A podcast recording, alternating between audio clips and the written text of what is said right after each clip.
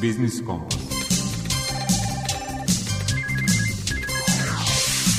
Biznis Kompas.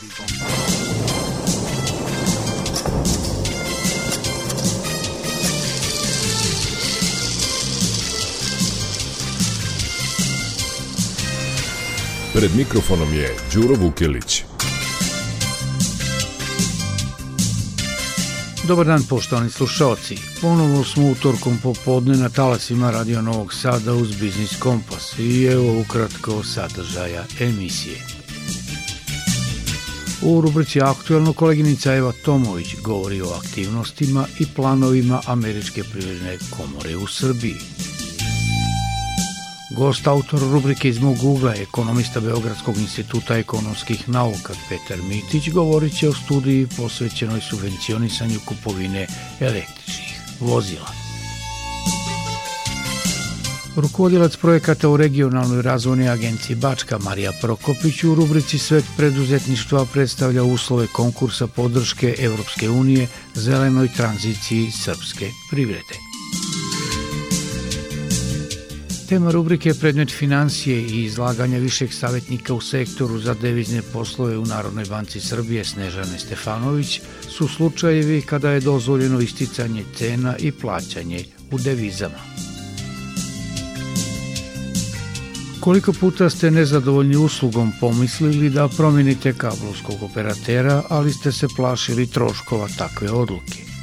Pod kojim uslovima je moguće bez naknade promeniti kablovsku mrežu, posavjetovaće vas u rubrici Potrošačka korpa prava predsjednik Udruženja za zaštitu prava potrošača Prosperitet Radomir Ćirilović. I pre najavljenih rubrika prva muzička numera za danas.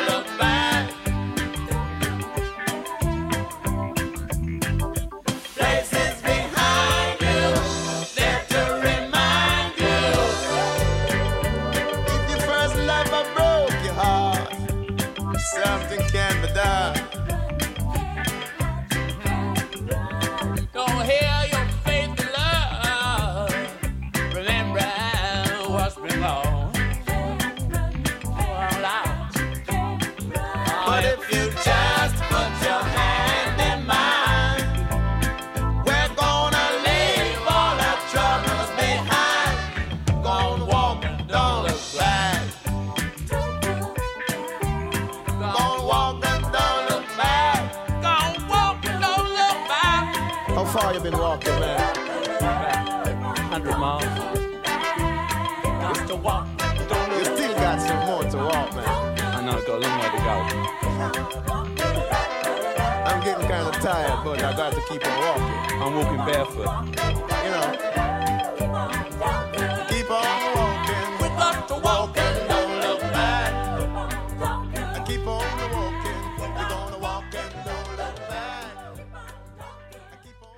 Biznis Kompas. Aktuelno. Američka privredna komora u Srbiji okuplja više od 260 kompanija koje su u Srbiji investirale oko 20 milijardi evra i zapošljavaju 112.000 ljudi. To je najveći broj članova od osnivanja, a rezultati rada predstavljeni su na Generalnoj skupštini te organizacije na kojoj je izabrano i novo rukovodstvo. Opširnije o tome Eva Tomović. Američku privrednu komoru u Srbiji naredne dve godine na poziciji predsednika upravnog odbora u svom drugom mandatu vodit će Stefan Lazarević, generalni direktor kompanije NCR Voix za Srbiju.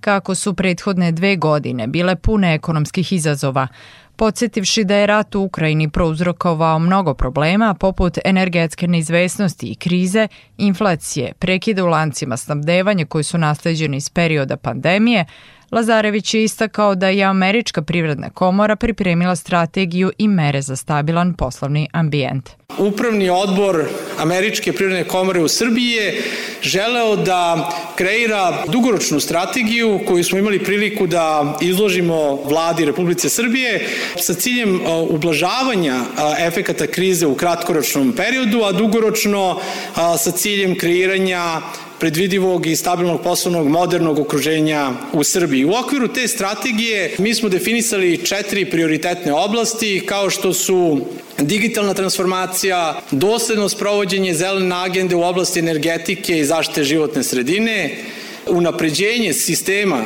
zdravstvene zaštite i podrška svim regionalnim inicijativama koje za cilj imaju ekonomske integracije. Lazarević je istakao da će MČM kao i do sada biti pozdan partner i podršku sprovođenju najtežih reformi u zemlji. Fokusirat ćemo se u poboljšanju efikasnosti i transparentnosti administracije i pravosuđa kroz digitalnu transformaciju. Insistirat ćemo da se nastavi sa zelenom tranzicijom u skladu sa standardima Evropske unije i praksom Evropske unije, s obzirom da za nas Evropska unija predstavlja jedno od najvažnijih izvoznih tržišta.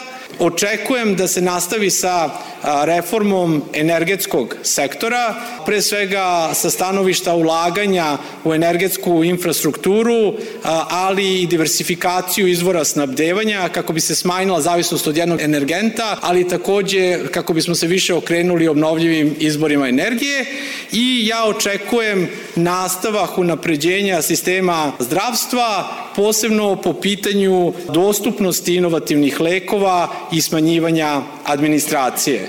A kada su u pitanju sistemska rešenja, jedan od fokusa će nam svakako biti liberalizacija zakona o deviznom poslovanju i razvoj tržišta kapitala. Ambasador SAD-a u Srbiji Christopher Hill istakao je da je izložba Expo 2027 šansa da Srbija postane veliki ekonomski igrač u Evropi. 2024 I think is a very important year for what the Mislim da je 2024. godina važna zato što će se odrediti šta je to što će Srbija i SAD moći da urade zajedno u mnogim esencijalnim i važnim oblastima, posebno u biznisu i zato je MČM vitalan deo tog odnosa.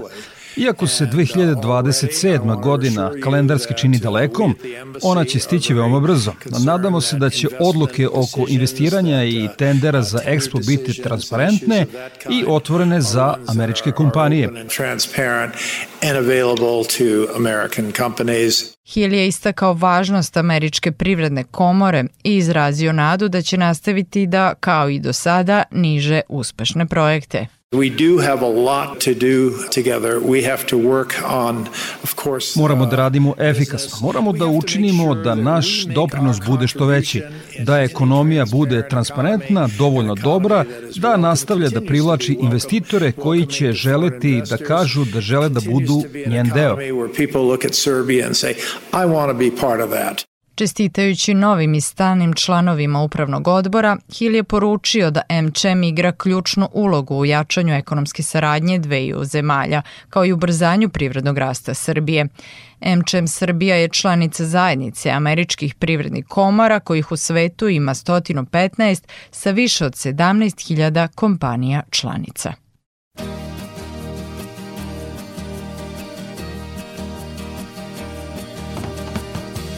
Feeling small makes me want to tell you all about how I feel for you, girl, and how your very name excites me.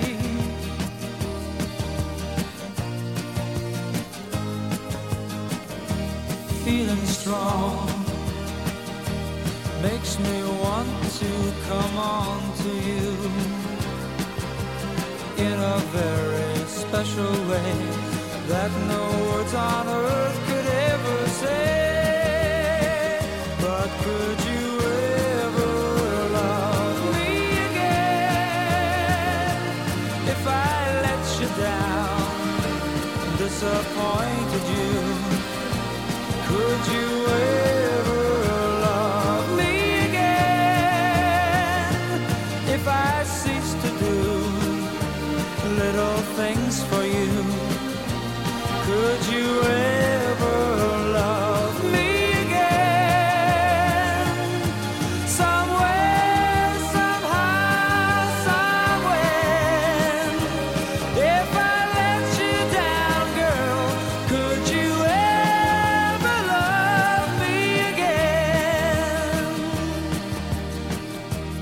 You and I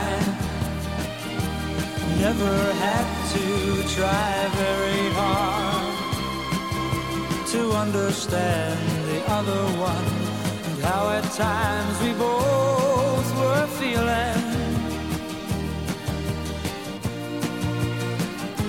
Ah, but now and then, especially when we're apart, think about the days to come. And will I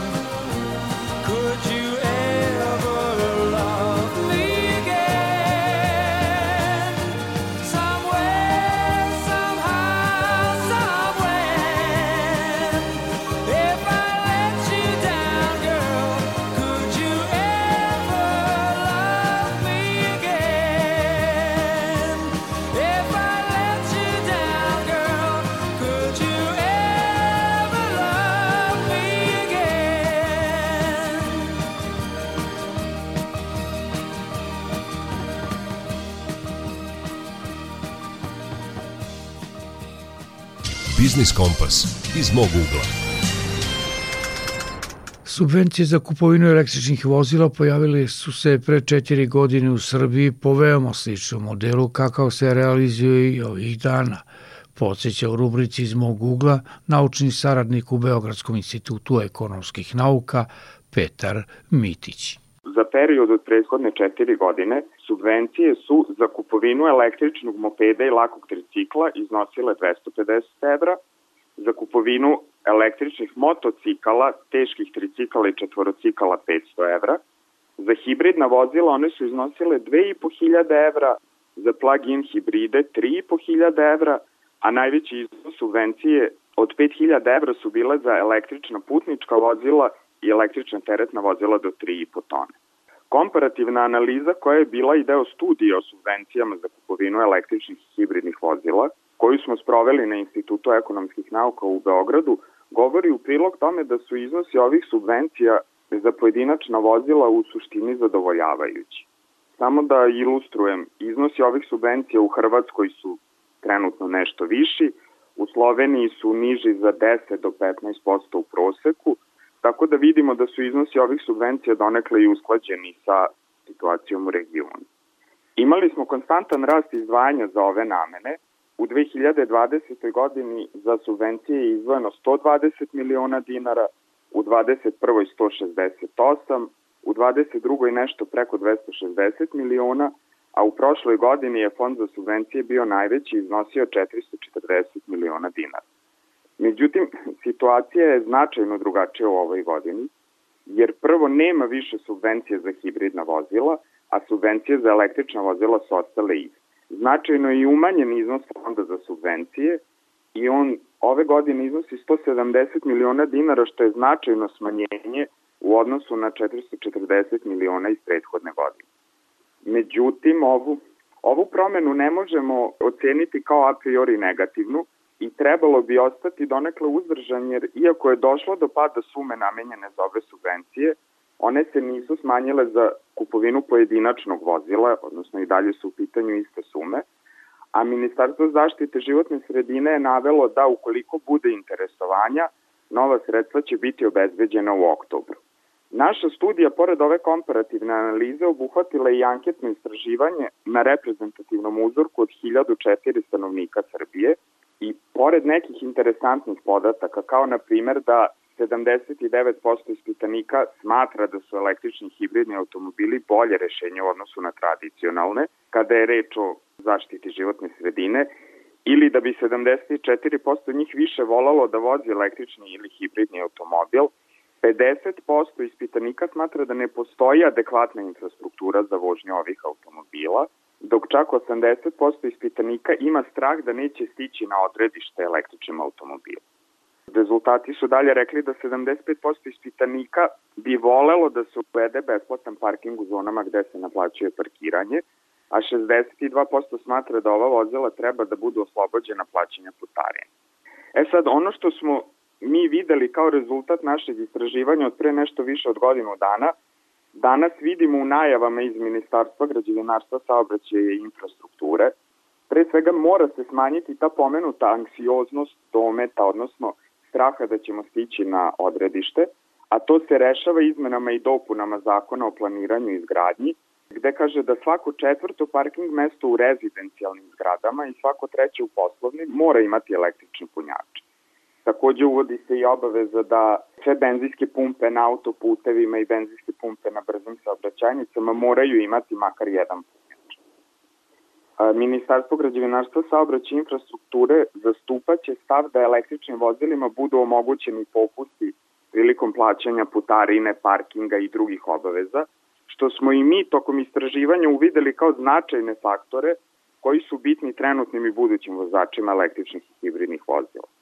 Stoga da podvučem i, i negde zaključim, ako i samo ako se sredstva za koje se smanjuje iznos fonda za subvencije bude usmerio u pomenute dodatne pogodnosti za vozače i uopšte razvoj neophodne infrastrukture za električna i hibridna vozila u Srbiji, pritom govorimo o infrastrukturi u najšire mogućem smislu, onda smo na pravom putu elektrifikacije i mobilnosti u Srbiji.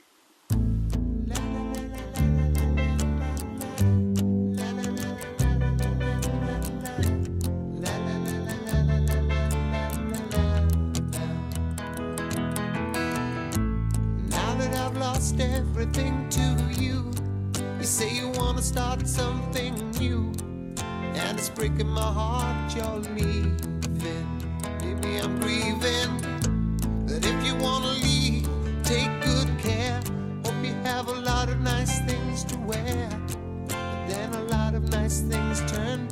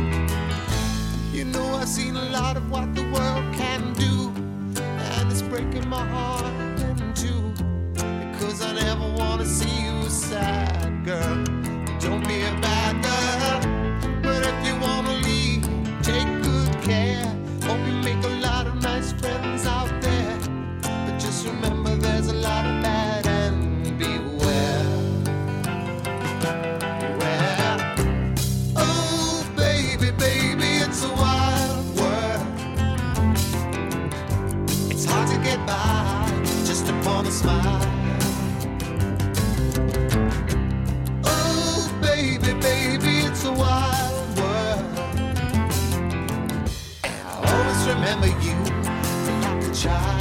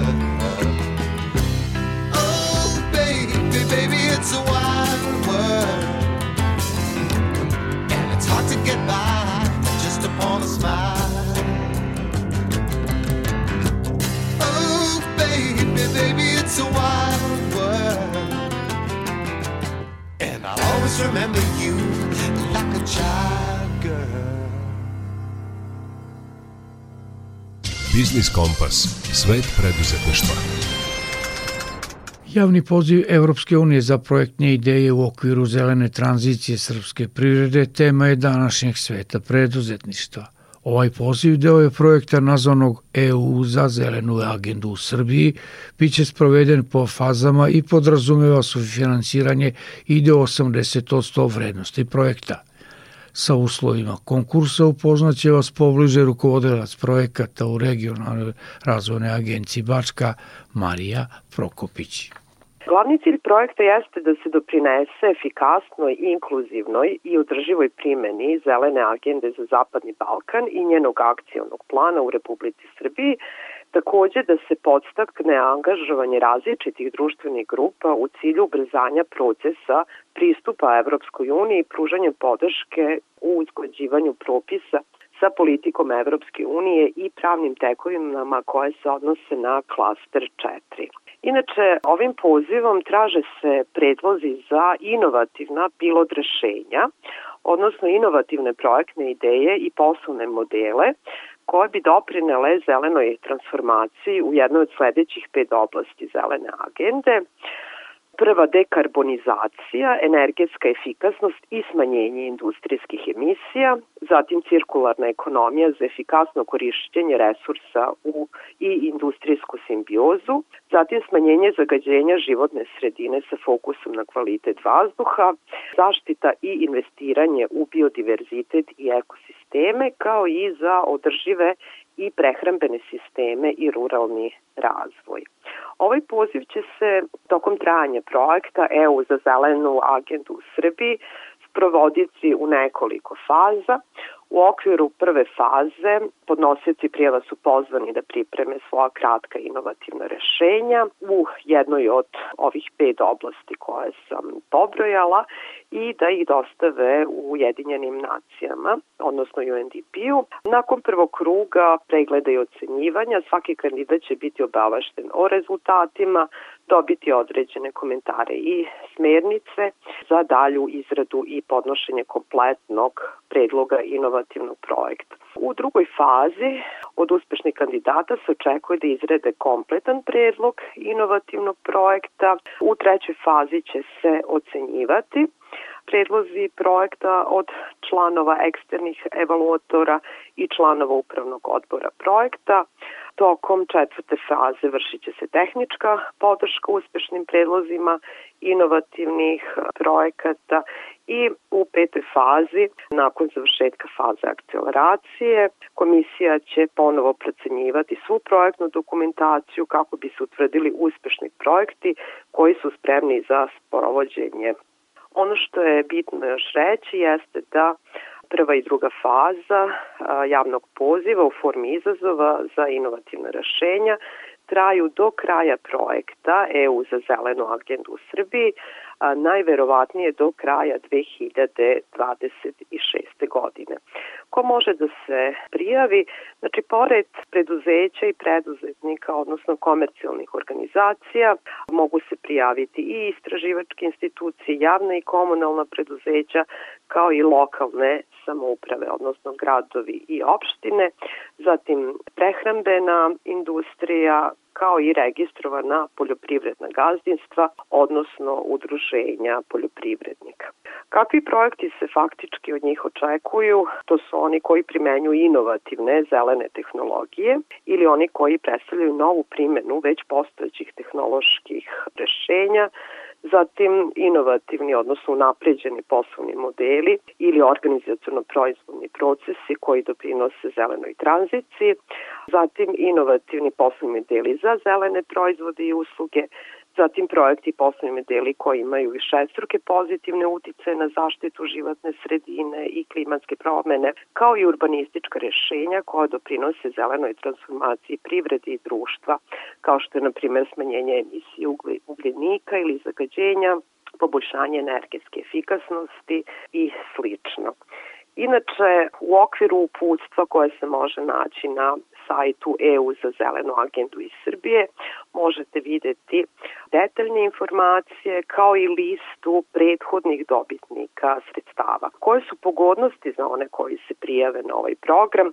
Pre svega dobija se razvojna podrška i mentorstvo u trajanju od 4 meseca za odabrane kandidate, a zatim i sufinansiranje do 50% ukupne vrednosti investicije, odnosno ne više od 250.000 evra po kandidatu. U oblasti recimo 5 koja se tiče prehrambenih sistema za održivi ruralni razvoj, a, moguća vrednost sufinansiranja je i do 80% vrednosti investicije. Za sve one koje je ovaj poziv zainteresovao, možete dobiti dodatne informacije na sajtu EU za zelenu agendu u Srbiji ili pisati timu UNDP-a zelena.agenda.rs monkeyundp.org.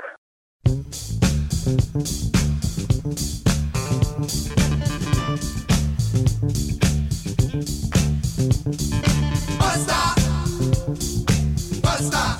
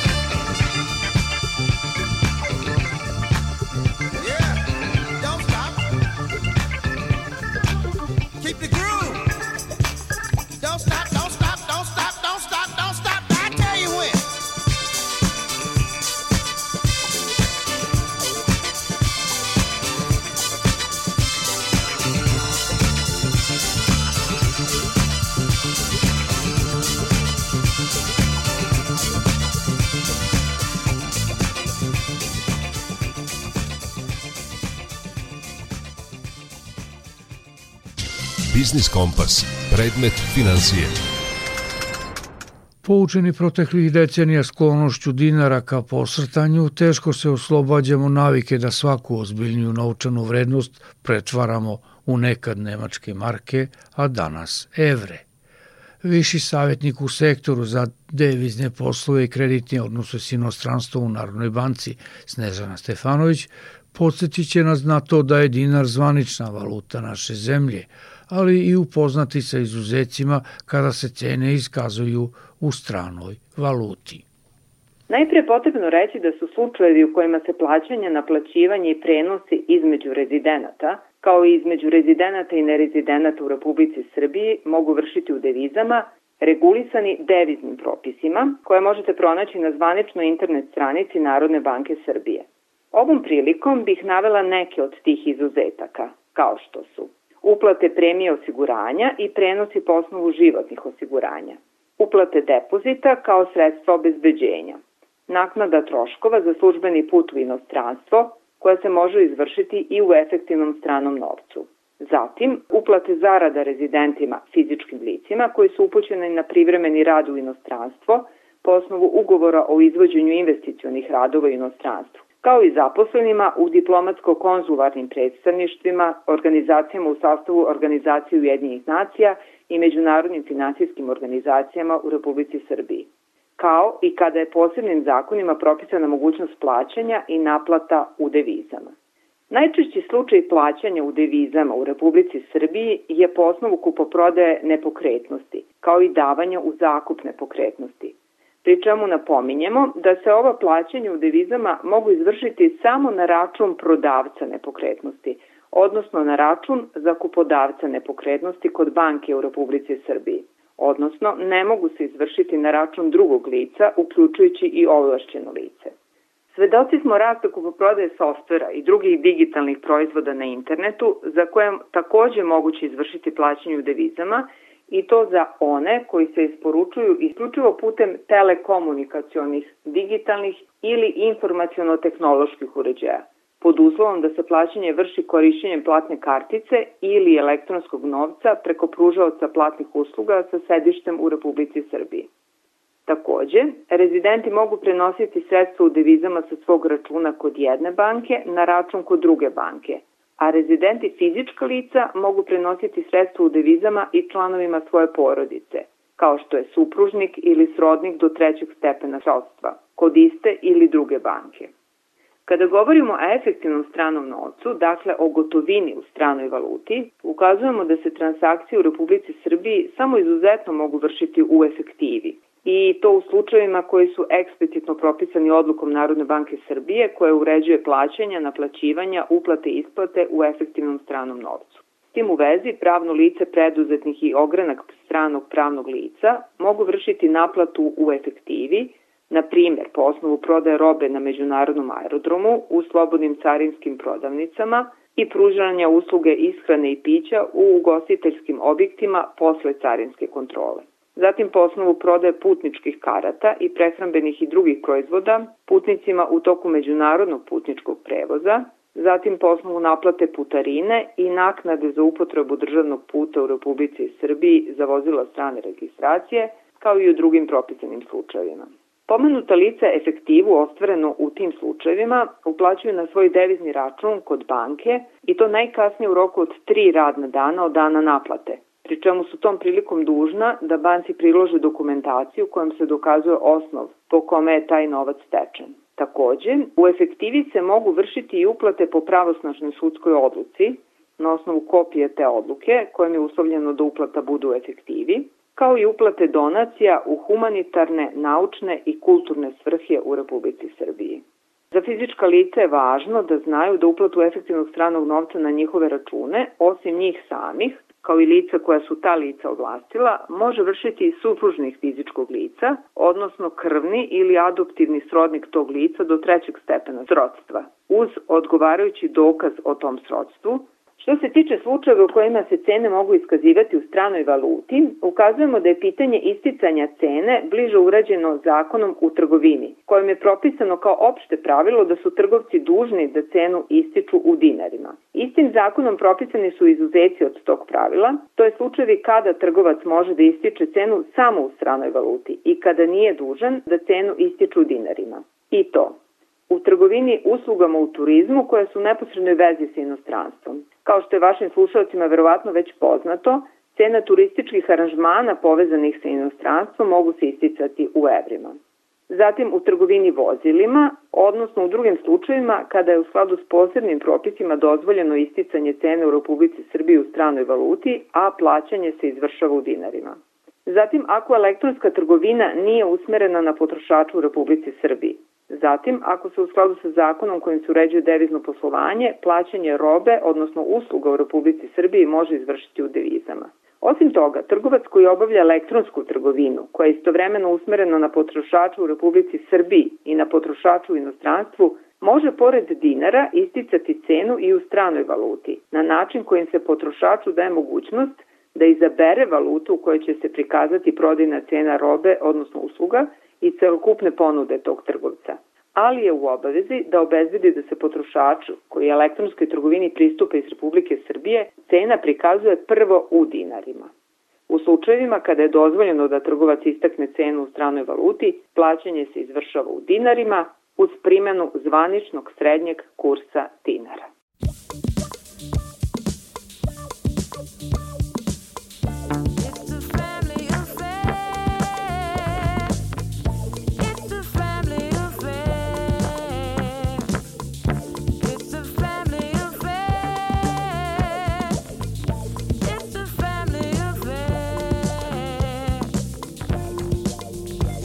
Up to be somebody that just loves to learn, and uh, another child grows up to be somebody you just love to burn. Mom loves the both of them. You see, it's in the blood. Both kids are good and mom thicker than the mud. It's a family affair. It's a family affair. It's a family affair. still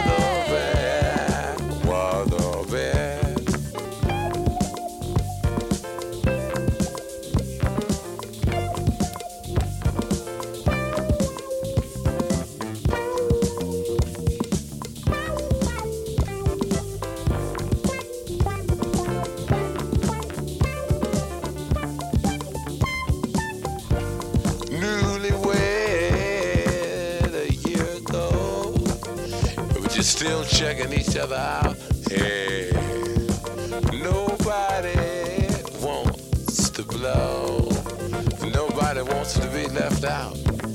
Uh huh. You can't leave cause your heart is there. But you, you can't stay cause you've been somewhere else. You can't cry cause you look broke down. But you're crying anyway cause you're all broke down. It's a family affair family.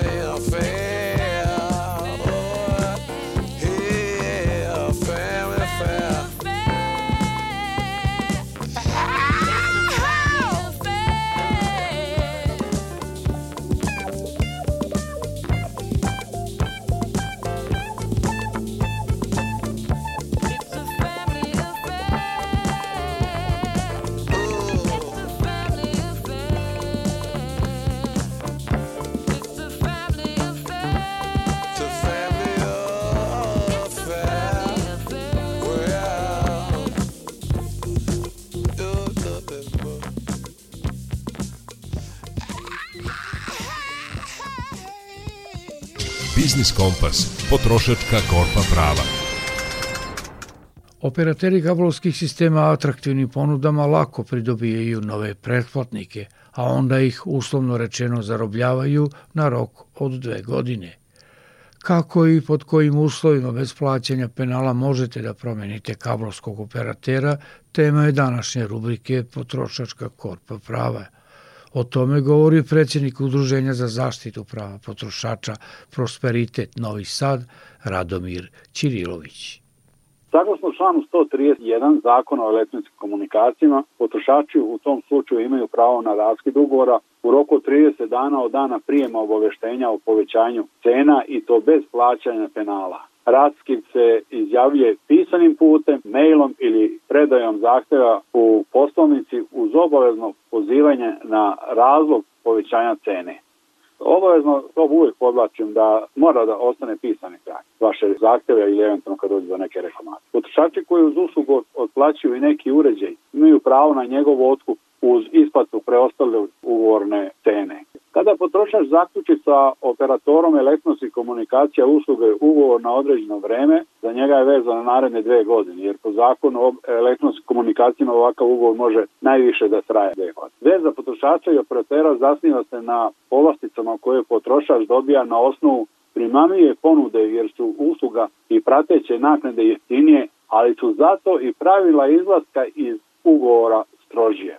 Cena za prevremeni raskid ugovora na određeno vreme je naknada štete, koja se po važećem zakonu o elektronskim komunikacijama određuje po dva alternativna modela. Po modelu plaćanja razlike između pune komercijalne cene i dobijenih popusta. Zatim model plaćanja punih iznosa mesečnih pretplata koji bi potrošač platio da je sa operatorom ostao u ugovornom odnosu do njegovog isteka. Na osnovu zakona o zaštitu potrošača, zakona o elektronskim komunikacijama i zakona o obligacijnim odnosima, postoji sedam slučajeva u kojima potrošač nije dužan da operatoru plati ovu naknadu. I to, ako potrošač nije saglasan sa promenom cene usluga nije saglasan sa promenom tarife. Ovde važe potpuno ista pravila i iste zakonske odrbe kao i za jednostranu promenu cene. Ako potrošač nije saglasan sa izmenom opštih uslova ugovora u obaveštavanju od strane operatora, ako potrošač nije saglasan sa izmenom specifikacije usluge i uslova za korišćenje usluga u vezi sa ponuđenim promotivnim pogodnostima, izmena specifikacije usluga je u članu 131 zakona o elektronskim komunikacijama narošto istaknut razlog raskita ugovora bez obaveze plaćanja naknade. Onda kada operator jednostrano menja u uslovu ugovora, a najpoznatija vrsta izmene specifikacije usluga jeste ukidanje televizijskih kanala ili njihova zamena drugim kanalima. Kao i u slučaju promene cene, tarife i opštih uslova ugovora, operator je dužan da 30 dana unapred obavesti potrošača o svojoj nameri da promeni specifikaciju usluge. Zatim, ako potrošač nije zadovoljan kvalitetom pruženih usluga, drugim rečima je potrošač ima pravo da raskine ugovor sa operatorom bez plaćanja naknade, onda kad je usluga nesaobrazna, što mu je garantovano članom 88 zakona o zaštitu potrošača. Veoma je bitno razumeti da za ostvarivanje prava na raskid po ovom poslu bez naknade nije dovoljno da se nesaobraznost pojavi jednom. Kad kvar traje duže vremenski period, potrošač ima pravo da traži pravično umanjenje cene, to je da mu se umanji mesečni račun, a ne odmah da raskine ugovor. Međutim, pitanje raskida se može postaviti kad se neki kvar stalno javlja ili kad usluga jednostavno nema kvalitet koji je obećan ponudom i regulisanim ugovorom. Pri tome, apsolutno ne preporučujemo da potrošač raskida ugovor nakon niza telefonskih reklamacija.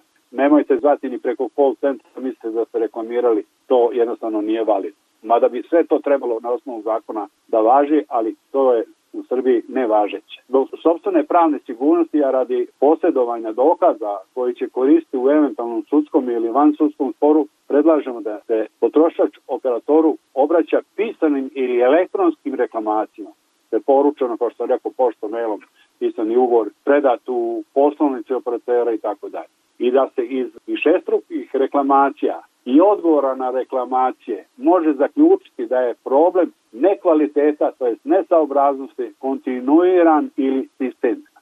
Zatim možete raskinuti ugovor bez naknade ako potrošač želi da se drugim operatorom zaključi ugovor o korišćenju usluga iste vrste.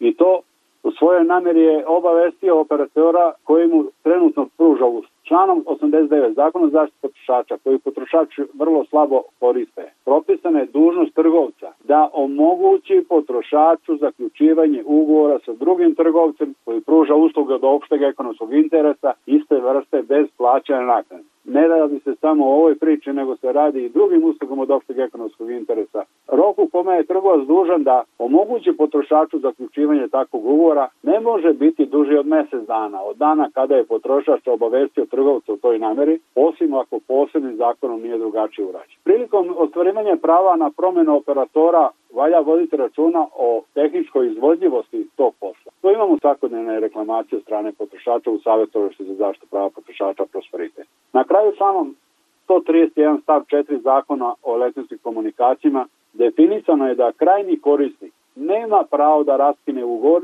bez obaveze plaćanja troškova u vezi sa raskidom kada je jednostrana izmena uslova ugovora od strane pružaoca usluga administrativne prirode i nema negativnih posledica na krajnje korisnika ili posledica zakonskih i regulatornih promena.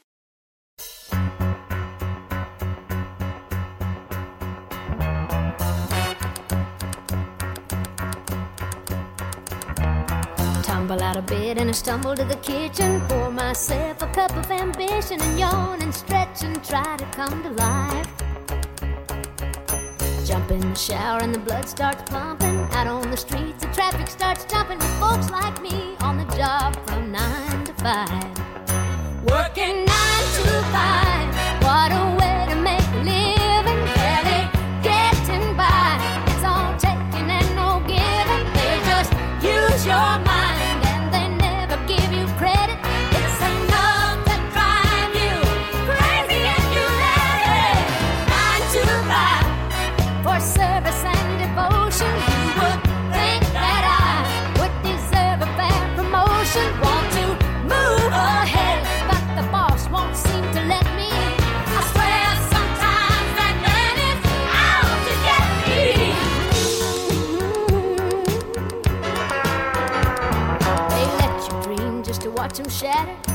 A step on the boss man's ladder, but you got dreams he'll never take away. In the same boat with a lot of your friends, waiting for the day your ship will come in and the tide's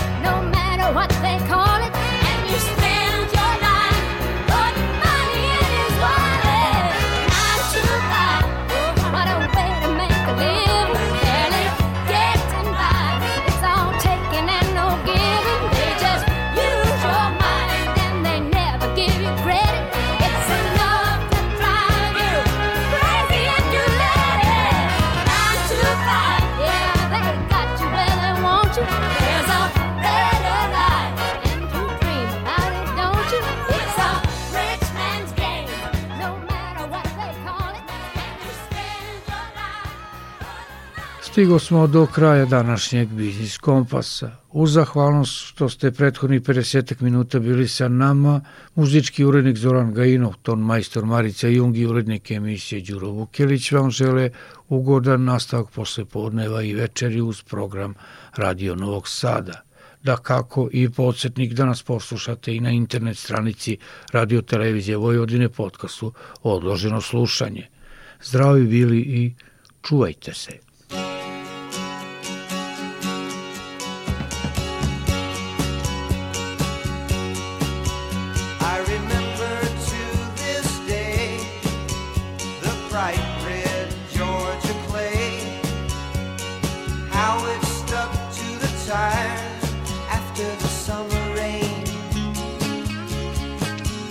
willpower.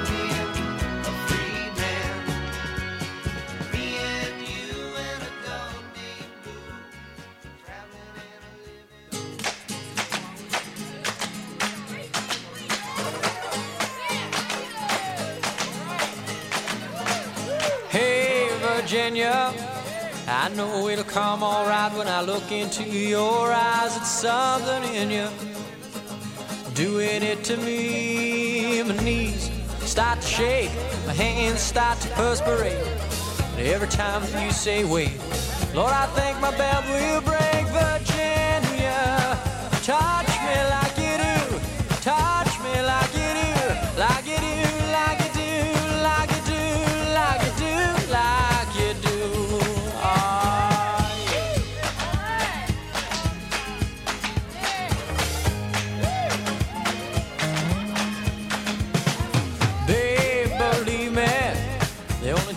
fall apart is when he make those sounds. Don't ever leave me.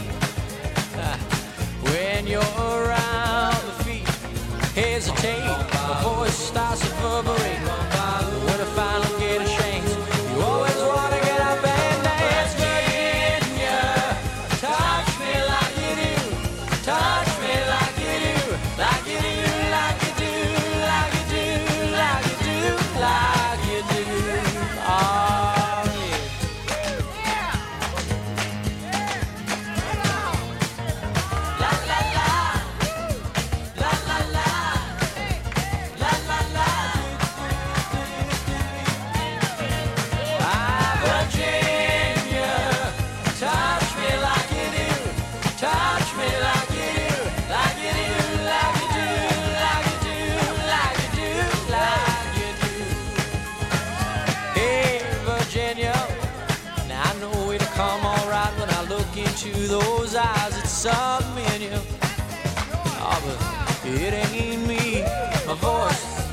to break, my feet starts to perspire.